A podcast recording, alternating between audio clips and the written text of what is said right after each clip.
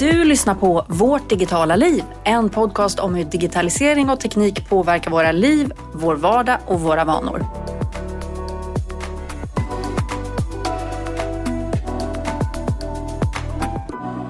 Okej, Miriam. Låter det här ljudet bekant? Tyvärr lite för bekant kanske. Det är Netflix, eller hur? Ja, just det. Precis. Hur, hur ofta har du hört det ljudet senaste året? Ja, alltså jag hör ju främst det ljudet från våra döttrars iPads. Det finns ju program på Netflix som de vill se. Mm. Men jag och min man tittar också på Netflix. Men vi har faktiskt flera olika streamingtjänster och du pratade ju om det senaste året. Men mm. jag måste ändå säga att det senaste året så har vi varit i en pandemi. Mm. Och vi har inte kollat mer på streamingtjänster skulle jag nog säga faktiskt. Men precis när pandemin startade så tittade vi klart på Game of Thrones. Mm. Och vi var ju väldigt sent ute, jag vet. Men jag var så ja. sur sen när pandemin började och jag kände så här, jag vill leva i den här alternativa världen. Den är hemsk men det hade varit skönt på något sätt att ha den kvar. I den alternativa, lugna världen, världen. Av, av White Walkers och eh, ja, det låter lugnt och skönt men jag förstår jag vad du menar. Ja, precis. Man lever ju sig in väldigt mycket i den serien. Ja, ett alternativt universum. Ja. Eh, ja, alltså, själv har det blivit väldigt mycket binge-watching på Netflix och andra tjänster senaste året. Och anledningen till att vi spelar den här Netflix-gingen är för att vi ska prata om vad coronaåret har gjort med vår mediekonsumtion. Och där är ju Netflix en av de stora vinnarna. Det är ju verkligen det. Jag, menar, jag mm. bevakade ju Silicon Valley då när eh, pandemin kom igång och rapporterade om Netflix uppgång. Mm. Men det är ju inte den enda vinnaren, eller Nej. Nej, precis. Nej, verkligen inte. Eh, men det har ju också varit ett väldigt speciellt år. Jag menar, alltså, plötsligt i hela världen så uppstår en situation där man helst inte ska gå ut och under lockdowns inte får gå ut, inte gå på restaurang, inte gå på konsert, inte ta en öl etc. etc. Så det bästa du kan göra är att tvätta händerna och stanna hemma. Och då, när vi är fast hemma, så finns det egentligen bara en sak kvar att göra. Ja, det som många har gjort då, kolla film och serier i soffan. Ja, men det är ju inte bara det som har gjort under pandemin om vi tittar på våra medievanor. Så om vi backar bandet lite då till att pandemin bryter ut och börjar spridas över världen. Då, det som händer först är att vi flockas kring nyhetssidorna. Den här osäkerheten och det här snabba förloppet det skapar liksom som ett omättligt sug efter nyheter om man vill hålla sig uppdaterad. Eh, och jag tycker en intressant eh, grej med coronakrisen, både du och jag har jobbat på nyhetsredaktion, eh, Miriam.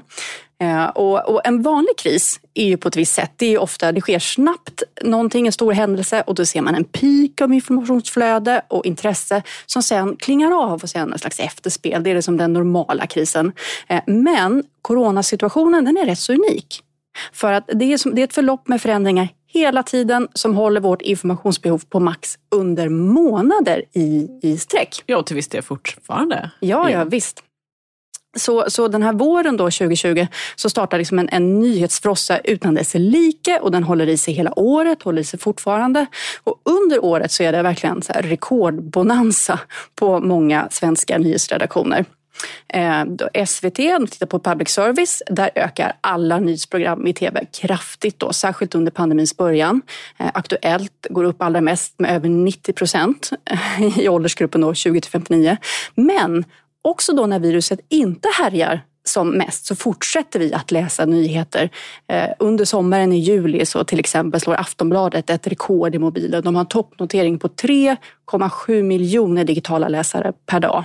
Ja, oj, alltså det är ju fantastiska siffror. Mm.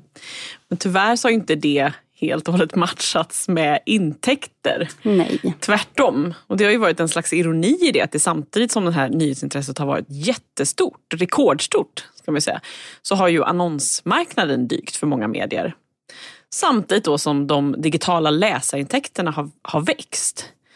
Sen var det ju också flera medieföretag som drog ner en del på kostnader eh, när pandemin kom igång. Och det gjorde att de på något sätt kanske ändå landade på samma resultat även fall annonsmarknaden dök. Ja, gjorde det som ovanligt bra resultat trots allt kan man väl säga.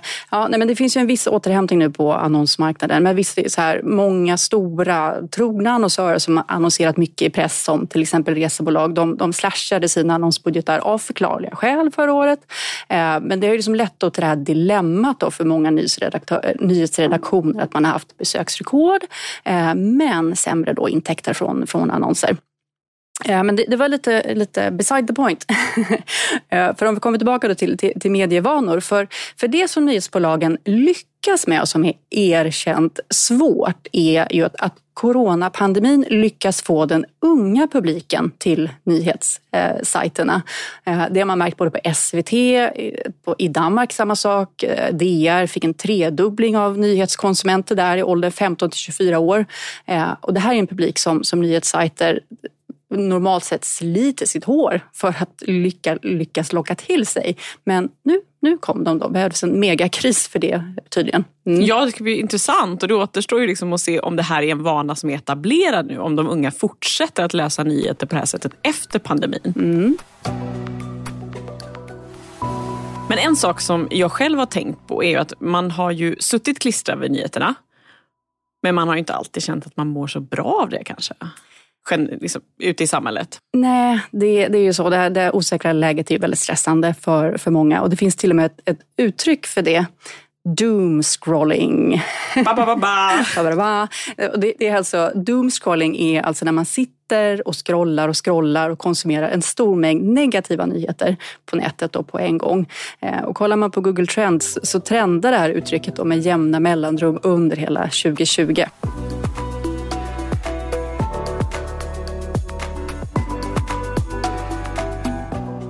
Är du en doomscroller, Miriam? Alltså jag måste väl erkänna att jag är det eh, stötvis skulle jag säga. Jag har ju bevakat techbranschens utveckling under pandemin mycket. Och då har det ju varit två sidor egentligen för digitalisering har utvecklats så otroligt kraftigt och vissa branscher har gått så bra, andra branscher har gått så dåligt. Så där kan man ju ja, där kan man ju se en tendens av doomscrolling inom vissa områden. Liksom. Men, ja. Jo men stötvis, kanske lite också med pandemins olika vågar. Mm. Nej, men jag har nog också, särskilt i början på, på pandemin, så kände mig själv det här behovet att hålla sig uppdaterad. Och där tycker jag nästan det är en nackdel att, då, att man, så att säga, som jag då har, har jobbat som journalist. För man har, man har koll på väldigt många olika källor. Det har man. så jag, jag dumscrollar mig nog världen runt tror jag. Exakt, och man kollar olika, hur de sammanfattar det på ja. olika håll och sådär. Yes, precis. Kartor och mm. data och oh, herregud. Mm, så lite doomscrolling eh, till, till mans nog tror jag under pandemin.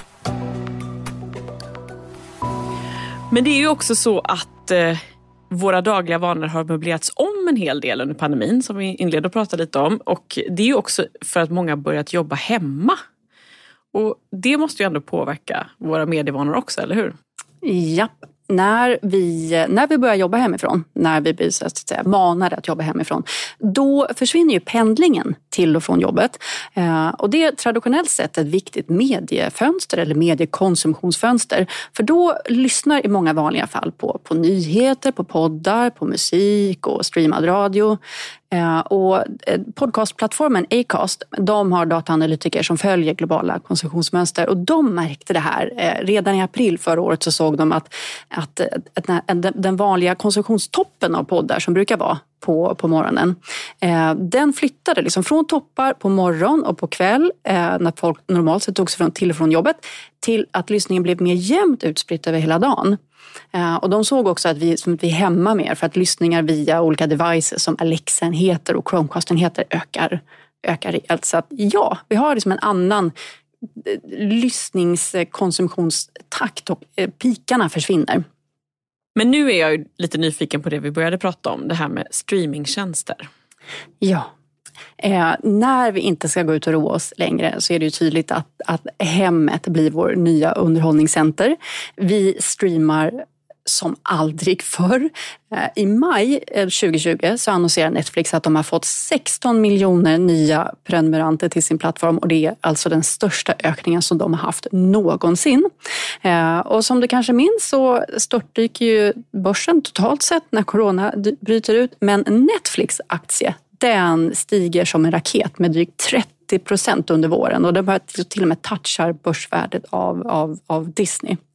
Ja, och, och som sagt, man lockar massa nya prenumeranter och flera serier på Netflix når ju också då en rekordpublik. Ja, jag måste bara säga, mm. jag, jag bevakade ju Netflix-aktiens utveckling då och eh, de var ju också väldigt noga med att säga så att vi kommer inte ha den här utvecklingen sen. Nej. Eh, alltså för att varna framåt. Liksom. och Zooms aktie gick ju också upp väldigt mm. mycket och sen störtdök många men sen återhämtar sig techaktierna och har gått bättre än någonsin. Så ja, ja. Det, är, det är en eh, utveckling för sig, väldigt spännande. Ja precis, man önskar att man hade suttit lite på en, på en Zoom eller Netflix-aktie där innan pandemin. Mm. Men, men som sagt, alla på Netflix och flera serier där då slår ju rekord eh, under förra året och eh, nu ska vi se då Miriam om du har sett några av årets publikdragare. Har du sett Queens Gambit? Det har jag. Mm. Väldigt spännande. Oj, så och himla bra. Och, ja, gud. Så fascinerande. Ja. Och, och, alltså den, den sågs under hösten av 62 miljoner tittare de första 28 dagarna. Helt sjukt. Ja, det är helt galen publik. och tycker man det här var ju mycket. Men bara några veckor senare så slås det rekordet. För då kommer familjen Bridgerton. Mm. Ja, och jag har ju sett familjen Bridgerton. Men jag väntade faktiskt lite. Det var ny, nyss jag såg den. Ja. Ja. Den är ju fascinerande på ett helt annat sätt. Ja. Den är på något sätt, du beskrev den som någonting. Ja, lite så Jane Austen i neon. Just det, ja, det är en bra beskrivning. Ja. Med, med, med, rätt mycket sex där på, ja. efter några avsnitt också. Det utvecklas ganska mycket. Det är lite chockerande nästan hur de liksom Ja, från en Jane Austen över till någon form av, av, av, av tantsnusk. Och Men, samtidigt tar upp många olika samhällsdebatter eh, och liksom ja. förhållanden. Precis, så att man kan, man kan ursäkta sig med det då också om man tittar på den här serien. men, men som sagt, den, här också, den, den lockade också en jättestor publik. Familjen Bridgerton den når 82 miljoner tittare och hamnar överst på tittartoppen i 83 länder. Eh, så inte bara du och jag som, som kollade på den, eh, Miriam. Men jag tänkte vi ska se också om du har hakat på en annan medietrend för 2020. Har du under förra året blivit lite extra intresserad av meditation och avslappning? Så jag vill ju säga att det är så. Men mm. jag, jag kan inte få en kontinuitet i meditation. Nej. Jag är bra på liksom att andas och slappna av. Jag gör det, men jag skulle ju verkligen, i den bästa världen skulle jag vilja göra det i alla fall fem minuter om dagen. Men det... Jag kan andas, det här räcker. Exakt. men, men, men nej, jag ska, jag ska inte ljuga nu. Jag har försökt. Du har försökt. Det blir inte så just nu, men jag tror på det eh, ändå. Mm.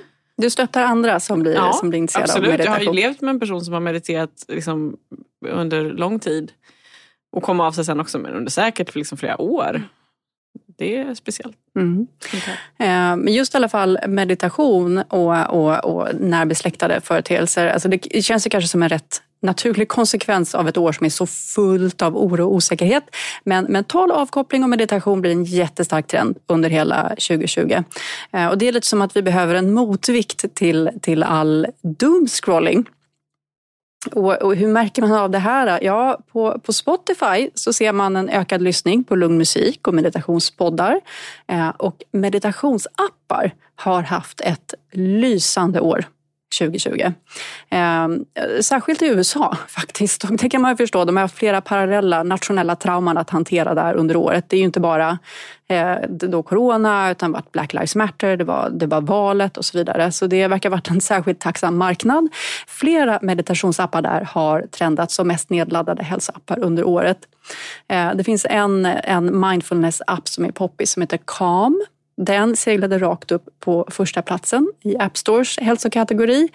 Under, precis under då det här nagelbitarvalet i eh, november förra året. Men, men det var också, tyckte jag, rätt briljant. De hade ett strategiskt annonssamarbete med CNN och då tittade extra många på CNN så blir det ett superbrett annons. Ja, ja, men det var ju det. Många, många beskrev ju ett otroligt stressmoment när den här rösträkningen var igång och det var stat för stat och det var så otroligt jämnt.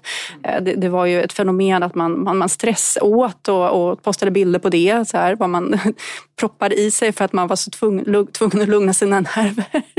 Och samtidigt då har du den här appen Calm ett annonssamarbete med CNN. Eh, och då, då gick den appen i taket. Så amerikanerna kände att de behövde mediteras för att hitta en mental jämvikt och balans då i de här enormt spännande veckan. Du lyssnar på Vårt digitala liv, en podcast om hur digitalisering och teknik påverkar våra liv, vår vardag och våra vanor. Okej, men om vi ska sammanfatta då lite här. Så under corona så streamar vi, vi doomscrollar mm. och försöker hitta lugnet med meditationsappar. Men hur är det med sociala medier då? Hänger vi mer där? Eh, ja, lite mer. Eh, I alla fall i Sverige. Eh, Instagram växer mest som vanligt. De växer alltid mest men de har fortfarande en del så att säga, publiker att, att nå. Eh, Twitter får ett litet uppsving vilket är intressant för de har backat lite i Sverige innan. Eh, Facebook ökar lite grann också men de mest populära tjänsterna på Facebook eh, under pandemin det är att gå med i grupper och att hänga på Marketplace. Såklart, mm, det kan man ju tänka sig. Ja, precis. Kanske för att vi är mer hemma och vi vill kanske inte gå i affärer. Marketplace är då det på Facebook som ökar mest av allt då enligt svenskarna och internet när man har tittat på vad gör folk på Facebook för någonting. Så det är lite hopp uppåt där. Men framför allt så är det en grupp användare som tagit ett jättekliv i sina digitala vanor under pandemin och det är de äldre. Det eh, borde vi ju prata mer om i ett eget avsnitt, eller hur? Det borde vi verkligen göra. För alltså, pandemin har funkat som en, verkligen en mega-accelerator för äldres internetvanor. De videochattar nu dubbelt så mycket som innan, de använder mer digitala tjänster eh, och 76-plussarna, också, det är liksom den största delen av nytillkomna e-shoppare. Och det här är ju, det är ju riskgrupper som vi, vi pratar om så det, de har ju tvunget behövt att anpassa sig till situationen mer än oss andra kanske att hitta då nya lösningar, att, att hålla kontakt och sköta sin, sin vardag. Har du märkt eh, nya digitala vanor bland äldre i, i din omgivning? Ja, alltså jag har ju ganska uppkopplade föräldrar måste jag säga. Men eh, min pappa och min styvmamma de handlar ju all mat på nätet. Och det brukade de inte göra innan för det var ju liksom en skön cykeltur till affären och mm. det ingick liksom i deras rutiner och så. Men det tycker de funkar jättebra. Ja, nej men alltså det, det, um, med risk för att jag minns fel siffra nu, men jag hörde en intervju med ICAs VD i början av pandemin och just innan när det gäller så digital eh, e-handel av, av, mat så var ju som den äldre generationen var försvinnande liten del, kanske 3 procent av alla ordrar innan man gjorde ett gigantiskt hopp upp där bara på någon månad eller så. Mm. Det är helt klart så att ett år där vi mer eller mindre tvingas stanna hemma är, blir fantastiska förutsättningar för att skaffa då nya digitala vanor. Men det finns en, en udda fågel i trender under 2020 som jag måste ta upp och det är en avkopplingsform som är helt analog. Vad är det då? Pussel. Japp. Pussel. Eh, klassiskt hedligt gammalt pussel. Alltså Adlibris då, som är en av de största återförsäljarna av pussel i Sverige. Eh, de, de har då rapporterat att försäljningen ökade med 300 procent på ett wow. år. Mm. Ja men det kanske inte är helt otippat ändå. Nej. Men okej, okay. så 2020 var ett extremt år som gav en rejäl boost till många digitala plattformar och pussel. Mm. Men vad tror du stannar kvar efter pandemin? Ja, alltså vårt sträcktittande på serier och den här nya pusselvurmen. Eh, till syvende och sist så är det ju en konsekvens av en kraftigt begränsad vardag.